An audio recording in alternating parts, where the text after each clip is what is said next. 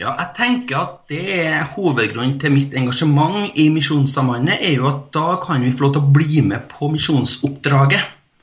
Eh, jeg har jo sjøl i mange år vært misjonær, og jeg er jo nettopp kommet tilbake fra Peru, der jeg har fått lov til å fungere som rektor på et teologisk seminar nå en, og en halv måned, og fått være med, eh, med og sett hvordan utviklinga er i kirka. Og Det syns jeg er fantastisk. Og så får jeg være regionleder og, med, regionleder og se hvordan vi kan få til å bli med på oppdraget her fra Midt-Norge.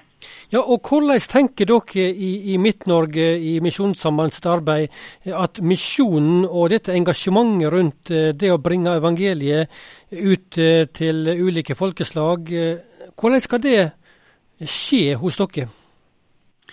Ja, Vi driver jo og jobber med en handlingsplan der vi ønsker å bli med og synliggjøre hvordan vi skal satse på det.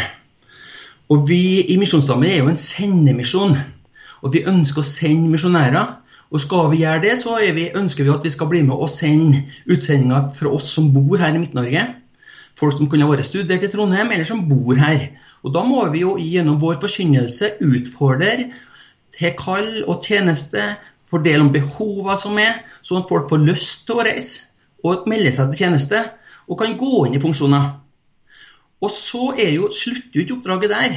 For skal noen reise, så må jo noen samle inn penger, og noen må be. Vi må ha bakketroppene som står bak.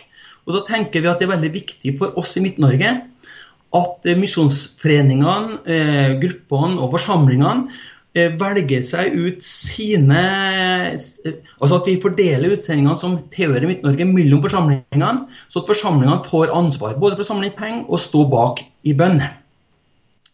Så, og Det er jo sånn vi har jobba i mange år, og sånn ønsker vi. Og sånn kommer vi videre ut til nye plasser der evangeliet er ukjent.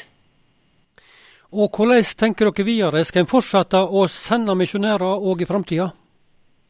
Og Det tenker jeg fordi at så lenge at det er mennesker som ikke kjenner Jesus eh, og da tenker jeg at Det er jo spesielt den muslimske verden som trenger å få møte Jesus kjærlighet gjennom både ord og handling. Eh, så det vil nok være behov for utsendinga helt til Jesus kommer igjen. Så vi ønsker å være med ut og sende, og så ønsker vi også kanskje å, å tenke litt hvordan kan vi stå sammen med kirkene, som kanskje ikke lenger som har blitt selvstendige, som, eh, har, som har utvikla seg sjøl, har sitt lederskap, ikke har behov eh, i hvert fall for mange misjonærer kanskje har behov for litt sånn eh, medvandring og kompetanse på områder de ber om det, sånn som, som kirkene i Peru og Bolivia. Men så tenker jeg at vi må utvikle vennskapsrelasjoner.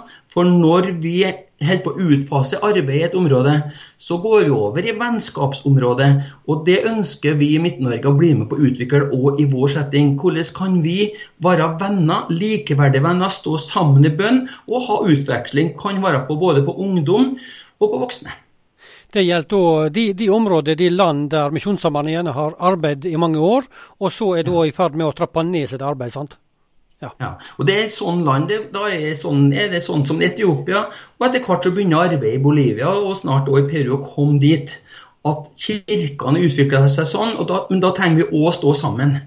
Trenger, de trenger å merke at vi er sammen med dem. Og at den fellesskapet det er ikke et økonomisk fellesskap, men det er et fellesskap i Kristus og i bønn og i vennskap. Du, Misjonssambandet sitt motto det er jo 'verden for Kristus'. Det handler om å fortelle andre eh, om Jesus Kristus eh, når en driver misjon. Hvorfor er det så viktig i 2022? Ja, fordi at budskapet om Jesus, vår frelser, han er eneste til himmelen i dag òg. Og det er han som gir oss håp. I en verden med krig, med, med, med grusomheter, så trenger vi å ha et håp. Så han gir oss et håp som varer utover det her. Så budskapet, evangeliet om Jesus, må hans nåde. Det er like aktuelt i dag. og det, Derfor er det viktig å formidle det til naboene våre, til oppmuntre hverandre som går i fellesskapet. Så evangeliet det er fra meg sjøl og helt til verdens ende. Det må formidles, og det er det vi lever på. Og Det er fantastisk å få lov til å Tenk om vi har funnet Jesus og få til å høre han til, og så får vi lov til å dele nåden. Det er fantastisk.